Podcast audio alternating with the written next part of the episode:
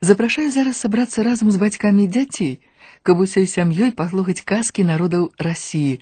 Вы даведаецеся о прыгодах мядзведзя, лісы, дзіка і ваўка, двух ханаў, пазнаёміцеся з кемлівым дзюрманам, а таксама паслухаеце пра паляўнічага і надакучлівую жонку.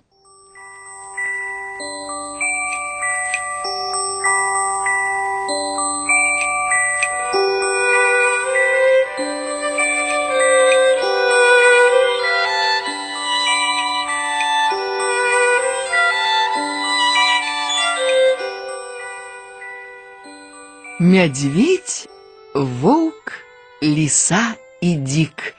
Адыейская народная казка.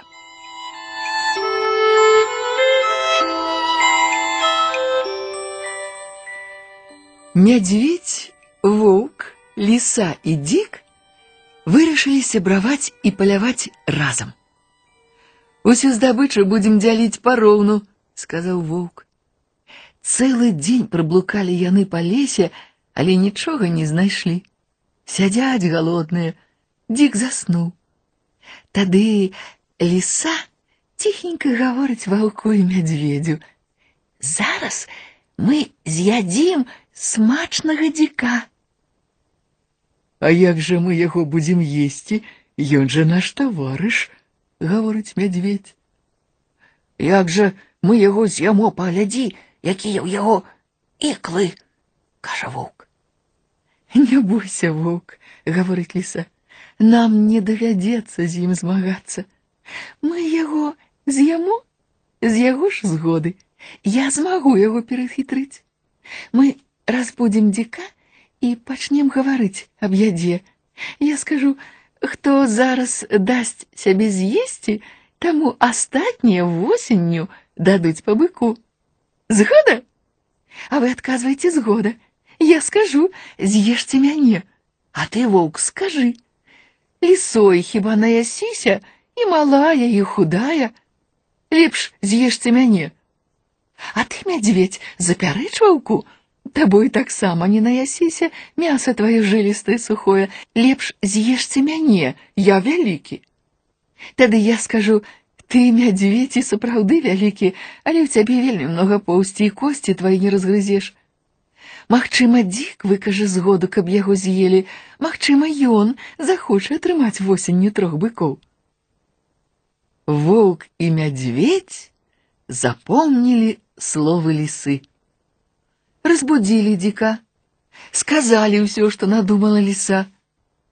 Дзік выслухаў, задумаўся, потым і гаворыць, калі вы сапраўды восенню кожны дасце мне по быку, не падманіце, то я згодны ешце мяне.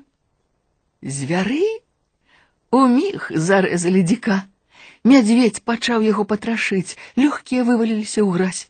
Воўк падскочыў, схапіў іх і гаворыць: « Трэба іх у рэчцы памыць, я збегаю.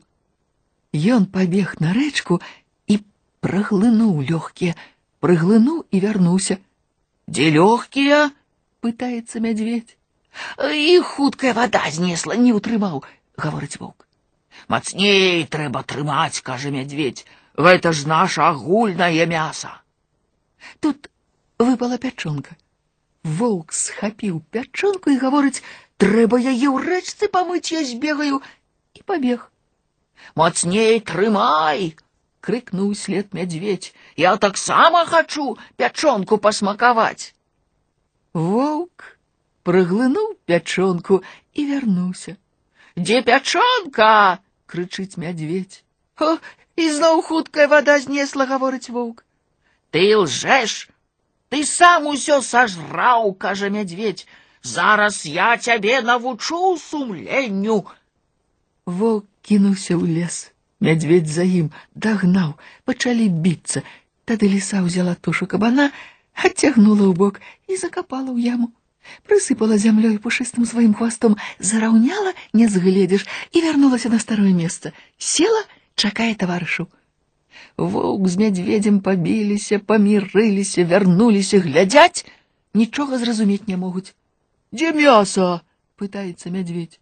Дзе туша дзіка? пытаецца воўк. Ха, а дик пайшоў, адказвае ліса. Як пайшоў, як пайшоў? А так, апрануў шкуру і гаворыць: Такія падманшчыкі, што адзін у аднаго мяса крадуць, такія разбойнікі, што з-за яды грызуцца, восенню не толькі быка, бычынага хваста не дадуць. Не веру я ім, пайду, пражыву як-небудзь без лёгкіх і без пячонкі, але з ваўком і з мядзведзем знацца не хачу. Плюнуў ён і пайшоў, вось як было. Мядзведь і воўк пераглянуліся. Праўду сказала ліса, падманшчыкі, яны і разбойнікі. Нічога не скажаш. Аблізнуліся яны і пайшлі ў лес у розныя бакі.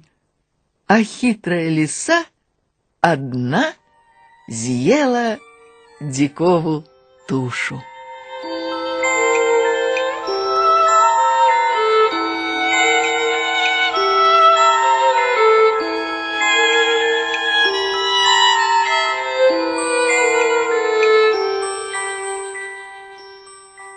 Два ханы.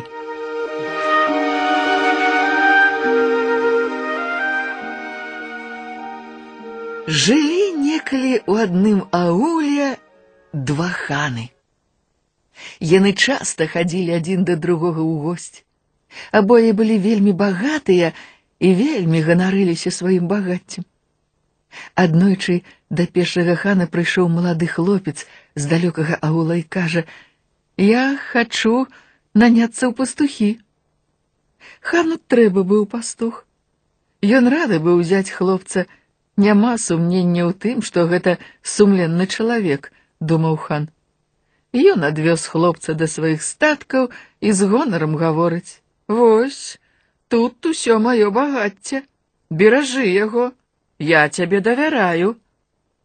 А сам вярнуўся дамоў і зажыў сабе сыценька і спакойненька на пашу ездзіць перастаў.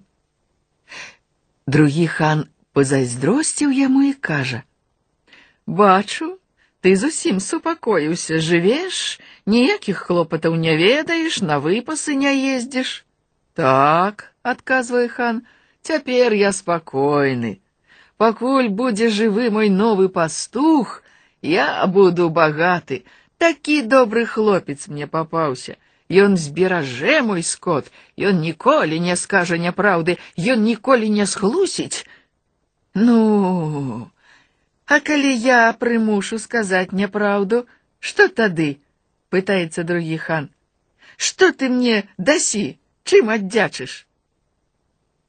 Калі прымусіш яго сказаць няпраўду, адказвае першы хан, я аддам табе ўвесь мой скот, але калі не прымусіш, ты аддасі мне ўвесь свой скот. Згоден, усклікнуў другі хан. Так яны паспрачаліся.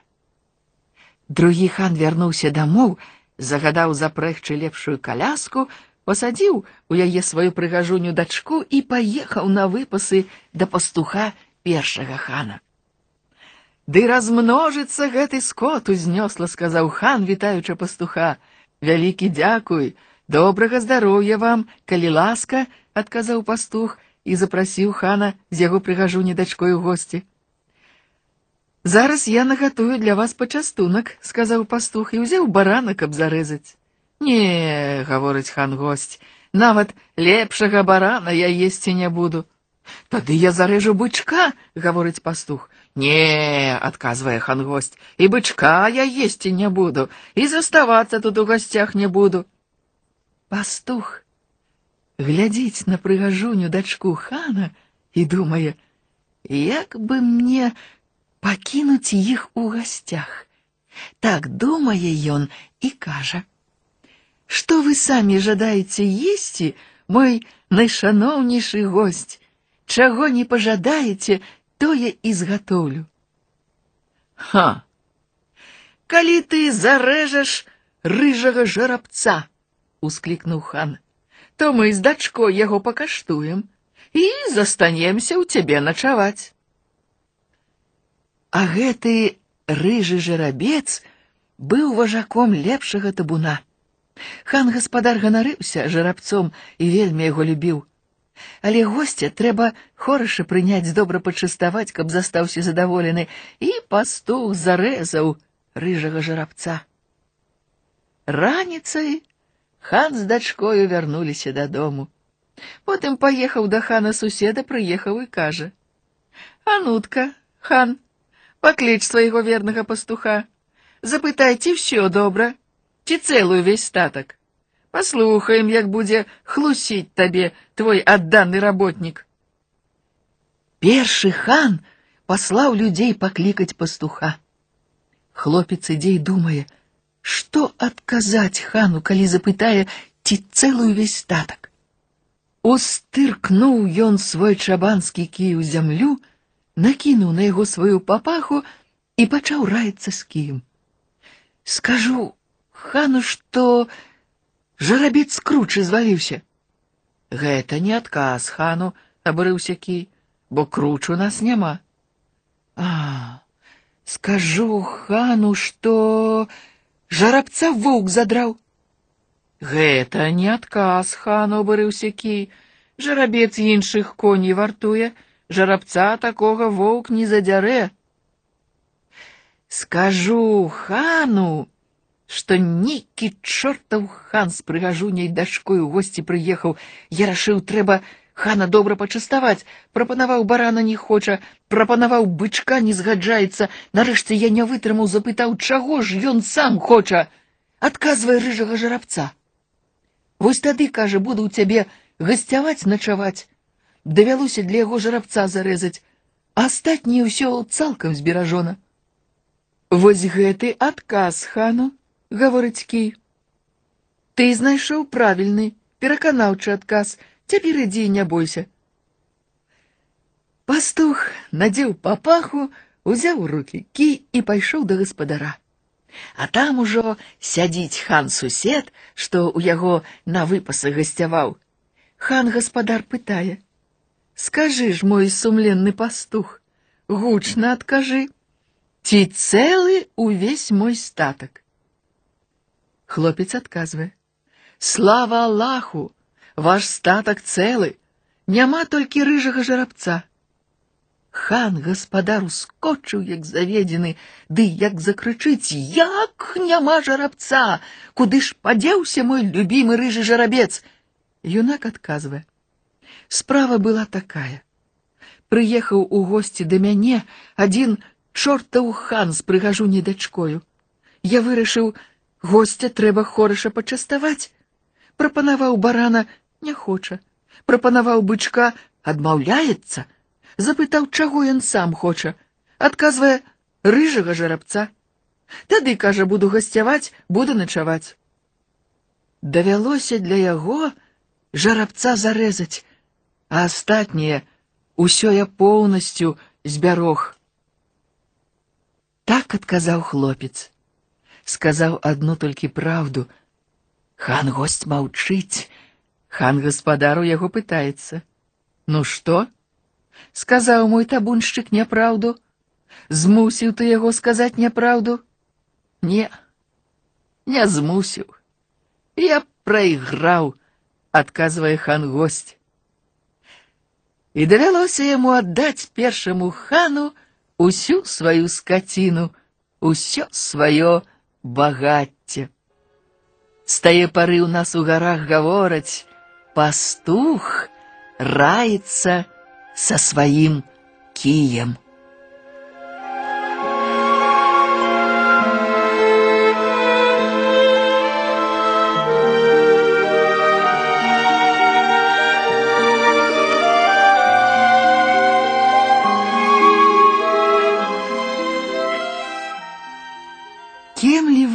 дюрмян, башкирская народная каска?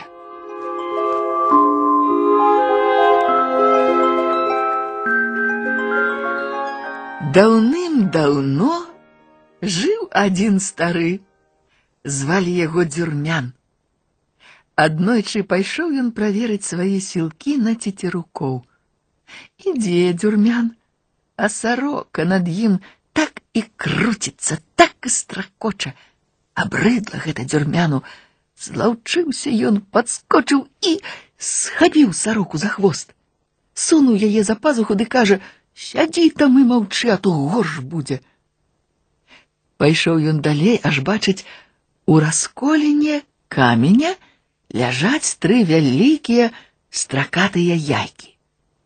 Нагнуўся дзюрмян, узяў яйкі і схаваў у кішэню. Прынясу дадому, думае, аддам дзецям, няхай забаўляюцца. Дабраўся ён да таго месца, дзе сілкі паставіў. Глядзіць, ажно нехта пабыў ужо тут да яго.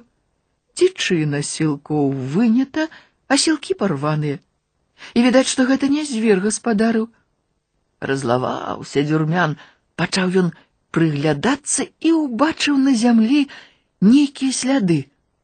Ну, правучу я цябе, кажа дзюрмян, так правучу, што другі раз і блізка не падыдзеш да маіх сілкоў і пабег па следзе. Бег ён, бег і прыбег у нейкае глухое месца. Стаіць тут дом, Забег дзюрмян у гэты дом, ды так і скамянеў ад страху. Сядзіць у доме вялізны, тоўсты пярый. Это значыць агідны злы волат. Скубеціце рука, а сам на дзюрмяна паглядвае. Са страху дзюрмян ледзь розум не страціў, што рабіць, думае, уцячы ад яго. Дык не ўцячэш жа, адразу зловіць адным пальцам прыб'е. Апамятаўся дзюрмян, ды як закрычыць: « Ах ты сякі такі, навошта маю дзічыну ўкраў! Зірнуў пярэй на дзюрмяна і здзівіўся. Ростам гэты паляўнічы трошки вышэй яго калена, а гэтакі смелы. Падумаў пяры і кажа: « Ну, калі гэта дзічына твоя, Давай поделим яе пополам. Не, крычыць дзюрмян, не хочу дзяліць. Я сілкі майстраваў, я іх ставіў, уся дзічына моя, не аддасі, наракай на сябе. Хіба ты гэтакі дужы, пытаецца пяры, што хочаш са мною біцца. Калі дужы, покажы сваю сілу паглядзеў па баках пярый, убачыў камень і кажа: « А ну, выцісні з гэтага каменя масла. Тады я табе паверу, што ў цябе ёсць сіла і всю дзічыну табе аддам. Дзярмян крычыць: « Спачатку ты сам выцісні, спачатку ты сваю сілу пакажы. Пярый сціснуў камень у кулаку, рассыпаўся камень на мяккі пясок разняў пяры руку і кажа: « Бачыў? Што тут глядзець, крычыць дзюрмян. Мы дамаўляліся масла з каменя выціснуць, а дзе ў цябе масла, адзін пясок толькі бачу, невялікая твоя сіла. Пачакай, зараз я табе сваю сілу пакажу. Выняў дзюрмян з кішэні яйка і сціснуў яго. Бачыць пяры, цячэ ў паляўнічага між пальцаў штосьці жоўтае. Здзівіўся пяры, падумаў сам сабе. Ён і праўда дужэйшы за мяне, гэтак лёгка выціснуў масла з каменя, а здавацца адразу не хоча. Давай цяпер мерацца свістам. Давай, адказвае дзюрмян. Пяры так свіснуў, што дзюрмян ледзьве на нагах устаяў, апамятаўся ён і кажа пярэю: ну, а цяпер я свісну. Толькі ты завяжы сабе вочы і вуш, а то бяда будзе, аслепнеш і аглухнеш ад майго свісту. Пяры завязаў шчыльна вочы і вушы, тут дзюрмян схапіў дубіну, ды як трахне пяры па галаве. Ну што, пытаецца, Моцна я свішчу, хочаш цяпер закрычу, каб адно каб ад майго крыку ў цябе зубы не высыпаліся. Зняў пяры павязку і кажа: « А не крычы так, калі ласка, У мяне і так усё ў галаве перамяшалася, а сам думае, не спраўлюся я з ім не адолею, трэба яго хітрасцю загубіць. Падумаў ён гэтак і кажа дзюрмяну: « Вось, што паляўнічы, час ужо сёння позні, заставайся ў мяне начаваць. Дзюрмяны кажа: « Добра, застануся. Накарміў пяры дзюрмяна вячэрай і пытаецца: « Ты, як засынаеш, дык у што перакідваешся? Бачыць дзюрмян, нездарма пяры пра гэта пытае і адказвае: « Я, а я як засну, дык пяньком раблюся, а ты? Пярый кажа: « Перакідвацца ў што-небудзь я не ўмею, затое як засну моцна, дык у мяне з носа і рота агонь шугае. Пагаварылі яны і палеглі спаць. Пяры заснуў, а дзюрмяну ад страху не спіцца. Сочыць за пярыем, як толькі ў пяры з рота і з носа зашугаў агонь, дзюрмян ціхенька выбраўся з дома і прынёс гнілы пянёк, які яшчэ раней нагледзеў, накрыў яго сваім каптаном, а сам у другое месца пералёг. Ляжыць і паглядае, што далей будзе. Бачыць дзюрмян, перастала шугаць полымя з носа і з рота ў пярыя, прачнуўся ён. Падняўся пяры і бурчыць: Зараз я ад гэтага асілка збаўлюся. Прынёс пяры вялізны цяжкі камень і бухнуў яго на пянёк. Адно парахня ад пянька на ўсе бакі паляцела. Перыяжно зачхаў і закашляўся. От, ён, які стары, засмяяўся пяры, толькі пыл ад яго паляцеў. Лёг і заснуў. З нос, з рота полымя зашугала. Раніцай прачнуўся пяры і вачам сваім не верыць.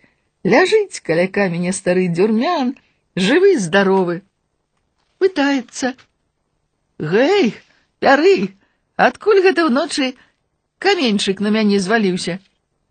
Вылупіў пяры вочы, не ведае, што і гаварыць, апамятаўся ён нарэшце і кажа: « Вось што, паляўнічы, бяры ў мяне золата, колькі маеш сілы панесці і ідзі дадому, я ніколі больш не буду твае сілкі чапаць. Што ж, отказывая Дюрмян. «Я згоден. Давай золото». Прывалок пяры вялізазны мех, насыпаў поўны золата і кажа: « Бяры нясі. Дзе там несці? Дюрмян гэты мех і з месца не скране. Не, кажа ён пярыю, ты перада мною вінаваты, ты нясі да мяне дадому гэты мех. Няма чаго рабіць пярыю, Пабаяўся ён спрачацца з дзюрмянам, узваліў мех на спіну і панёс. Дайшлі яны нарэшце да дома дзюрмяна. Дзюрмяны кажа пярыю: « Ты пакладзі мех з золатам і пачакай каля дзвярэй, а я зайду адзін, скажу жонцы, каб прыбрала ўсё як след і сустрэла цябе, як належыць гэткага госця сустракаць. Зайшоў дзюрмян у дом і кажа жонцы: « Прыйшоў са мною страшны пяры, але ты яго не бойся, ён зусім дурны. Давай напалухаем яго. Я табе скажу, падай нам чаго-небудзь паесці, а ты адкажы, а ў нас засталася толькі галава вялікага пярыя ды грудзінка маленькага, якіх мы пазаўчора з'елі. Больш нічога і не гавары. Пасля гэтага завёў ён пярые ў дом і кажа жонцы: « Частуй, жонка гостя. Жонкай пытаецца: « Чым жа частаваць госця. У нас засталася толькі галава вялікага пярыя, якога мы пазаўчора з'елі, ды і грудзінка маленькага, хіба вам хопіць? Пачуў гэта пярый, апошні розум ад страху страціў, хаця б думае, яны і мяне не з'елі. Выскачыў з дома і пабег без аглядкі, Бежыць пяры галавой аб яліны, аб хваіны стукаецца, а насустрач яму лісіца. Пытаецца ў яго лісіца: « Куды гэта пяры, ты так бяжыш? Чаго спалохаўся? Чаму у цябе ўся галава ў крыві? А паляўнічага дзюрмяна ўцякаю, адказвае пяры, ад вялікага асілка. І расказаў, які асілак гэты дзюрмян. Ледзьве ад яго уратаваўся, кажа. Дурень ты, смяецца лісіца. У гэтай вёсцы ён сярод слабых, самы слабы. А шукаў ён цябе, а ты паверыў яму. Хадзім разам асілак. Распраўся з ім як след.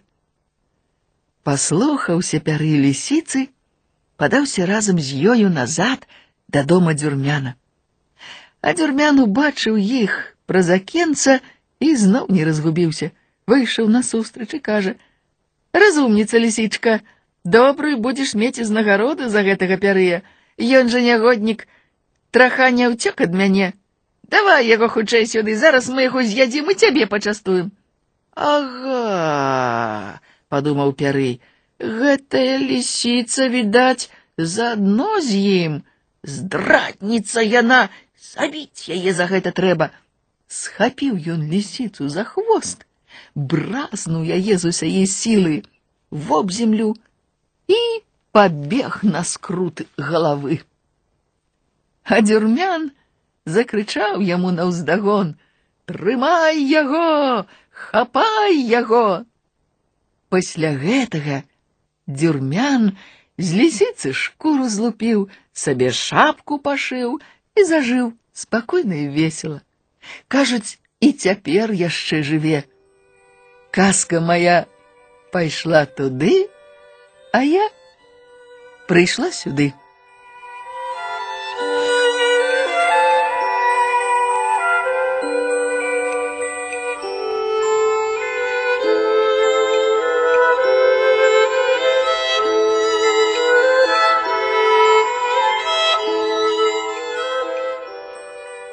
Паляўнічы і надакучлівая жонка, бурацкая народная казка.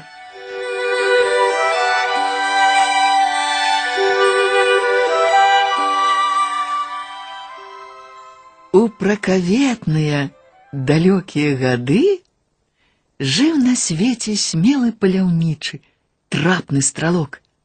Ніводнага разу ён не прамахнуўся, не вярнуўся да хаты без здабычы.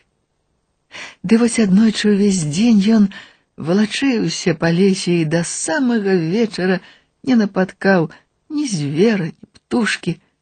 Стомлены, змораны, улёгся ён спаць спіць і бачыць дзіўны сон. Апаў на яго жоўты туман, а потым і пярэсты наплыў. Прачнуўся паляўнічы бачыць, набліжаецца да яго жоўты туман. Перапалохаўся ён, схапіў лук, прыладзіў стралу, але з туману пачуўся чалавечы голас: « Не страляй, смелы паляўнічы, я не прычыню табе зла. Туман зрабіўся яшчэ гусцейшы, і абярнуўся ў жоўтага змея з пярэстымі грымучымі крыламі. Сказаў пярэстакрыла змей: « Давай сябраваць, смелы паляўнічы, трапны стралок, мне патрэбна твая дапамога. Шмат гадоў я змагаюся з жоўтакрылым змеем і не магу яго адолець. Разам мы яго адужаем. Я гатовы табе дапамагчы, адказаў паляўнічы. Тады пайшлі ў тую даліну, дзе будзем біцца, сказаў пярыстакрылы змей. Прыйшлі яны ў шырокую даліну. Доўга мы будзем біцца, сказаў пярыстакрылы змей. Мы тройчы ўзнімемся пад неба і тройчы вернемся на зямлю. Калі мы ўзнімемся чацвёрты раз, мой вораг мяне адолее, возьме верх, Калі мы спусцімся, ён будзе наверсе, я пад ім. Тым часам не маруць, я павярну яго жоўтую галаву да цябе, а ты страляй у яго адзінае вока. Гэтае вока ў яго на лобе, на самай сярэдзіне. А зараз схавайся ў гэту яму. Хутка жаўтакрылы змей кінецца з неба проста на мяне. Паляўнічы прытаіўся ў яме. Неўзабаве з неба, наляцеў жаўтакрылы змей, пачалі яны біцца. Змеі, шчапіўшыся, тройчы ўзнімаліся пад неба, тройчы вярталіся на зямлю, сілы былі роўныя, але вось Узняліся яны пад неба чацвёрты раз, і жаўтакрылы змей адолеў перыстакрылага.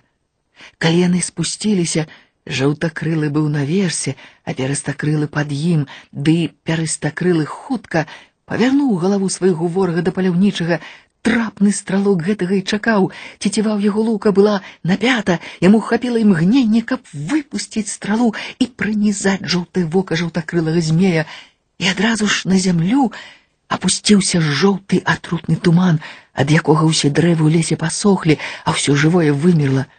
Паляўнічага уратаваў пярэстакрылы змей, ён прыкрыў свайго сябра магутнымі шчыльнымі крыламі і пратрымаў яго пад імі тры дні і тры ночы, покуль жоўты туман не сышоў. А калі зноў заззяла сонца, пярэстакрылы змей сказаў: Мы перамаглі небяспечнага ворага, дзякуй табе паляўнічы. Жаўтакрылы змей вельмі шмат паспеў нашкодзіць. Кожны дзень ён патрабаваў звярыны ды лавіў вогненных змеяў маіх падданых. Калі б не ты, то ён забіў бы мяне і паеў бы ўсіх вогненных змеяў. Хадзем да мяне ў госці, убачыш мой палац, маіх падданых, маіх старых бацькоў. Паляўнічы згадзіўся, і яны са змеем спусціліся ў глыбокую яму, а адтуль па падземных хадах трапілі ў палац, які ўвесь ажно зіхацеў ад золата і каштоўных камянёў.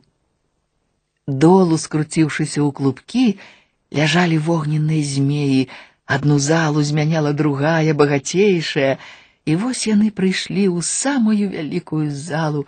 У ёй каля агню сядзела двое старых пярэстакрылых змеяў. Гэта мае бацькі, сказаў змей. Паляўнічы павітаўся з імі. Гэты паляўнічы выратаваў мяне і ўсё маё ханство, сказаў змей. Ён забіў нашага даўнішняга ворага. Дзякуй табе, сказалі старыя змеевы бацькі. За гэта мы цябе адорым. Захочаш дамо табе золата і каштоўных камянёў, колькі здолееш панесці, а не навучым размаўляць на сямідзесяці мовах, і ты зможаш разумець гаворку птушкі, звера і рыбы, выбірай. Навучыце мяне разумець птушку, звера і рыбу, сказаў паляўнічы.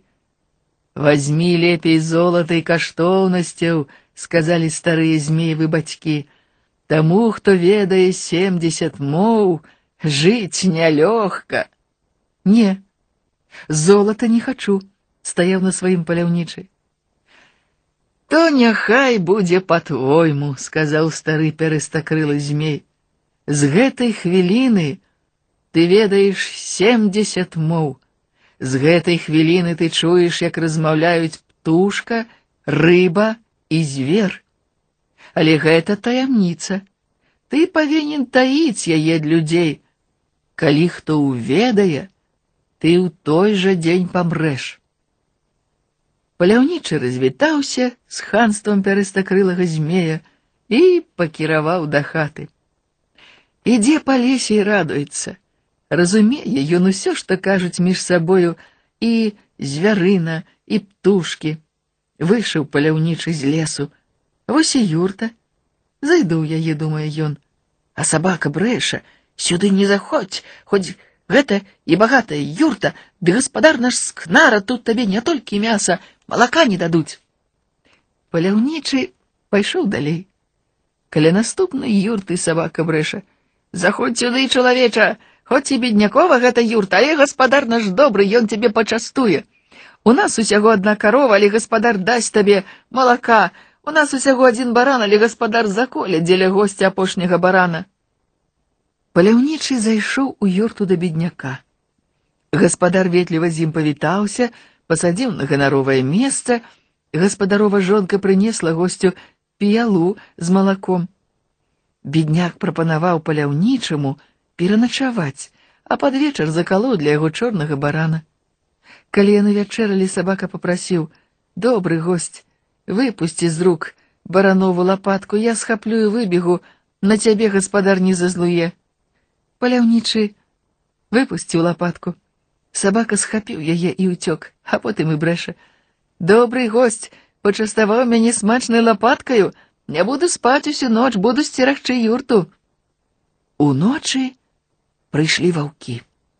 Спыніліся каля бедняковай юрты і выюць: Зараз мы зарэжем коня. У майго гаспадара адзін адненькі конь, нельга яго есці. Калі падыдзеце бліжэй, то буду моцна брахаць, прачнецца гаспадар, прачнецца яго госць паляўнічы, кепска вам будзе. Ідзіце хіба лепш да багатыра, зарэжце яго тлустую шэрую кабылу, у яго коней шмат, а сабакі галодныя, яны не захочуць на вас брахаць.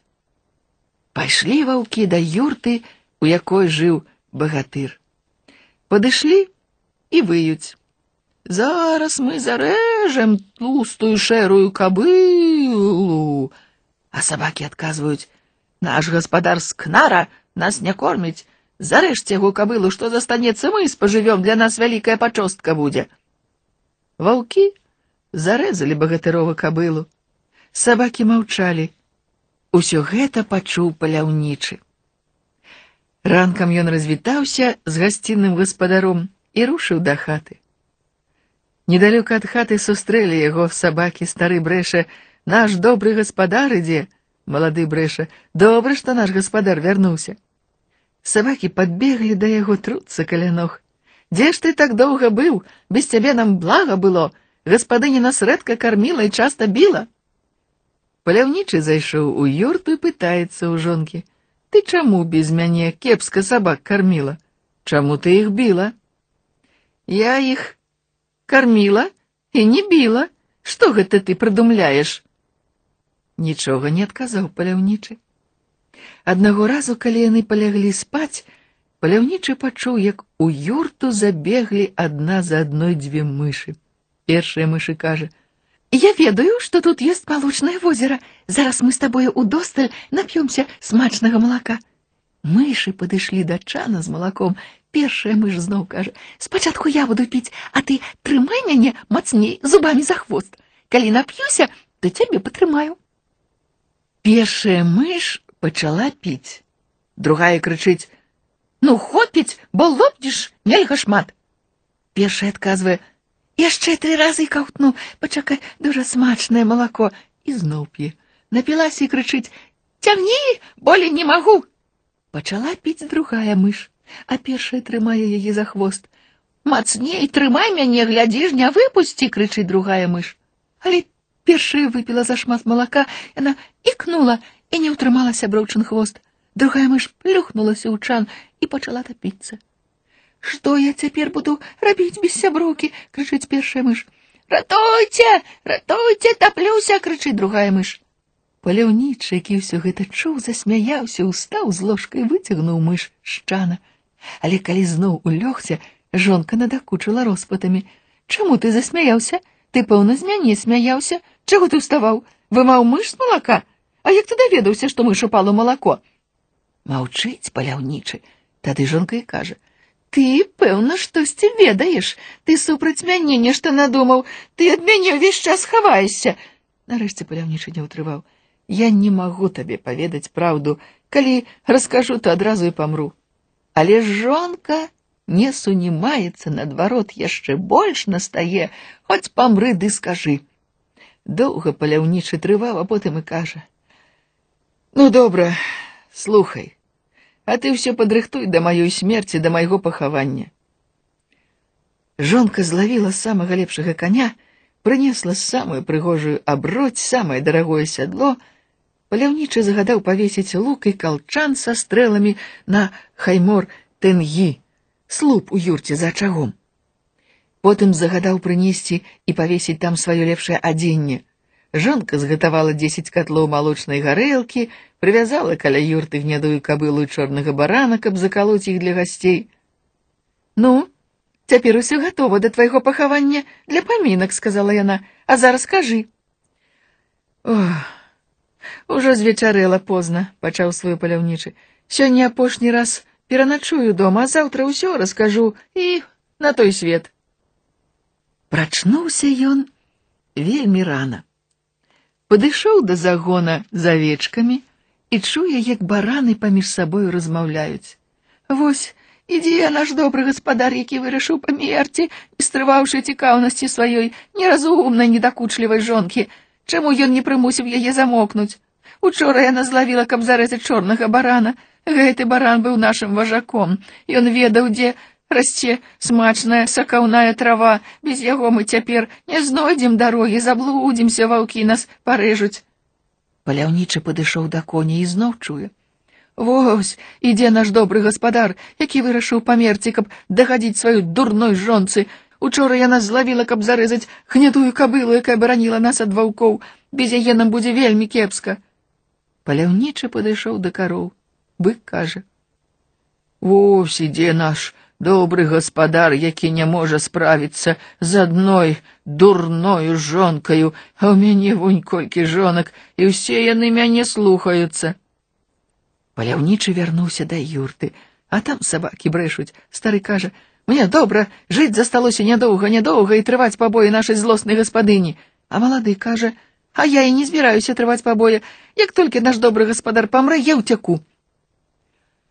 Паляўнічы зайшоў у юрту, а жонка на месцы не ўседзець, усё бурчыць, бубніць. Ну, хутчэй расказвай, хутчэй, глядзіш, а нічога ад мяне не ўтойвай. Я ўсё хачу ведаць, усё як ёсць. Тут паляўнічы не стрываў, разлаваўся на знадаедлівую жонку і прагнаў яе.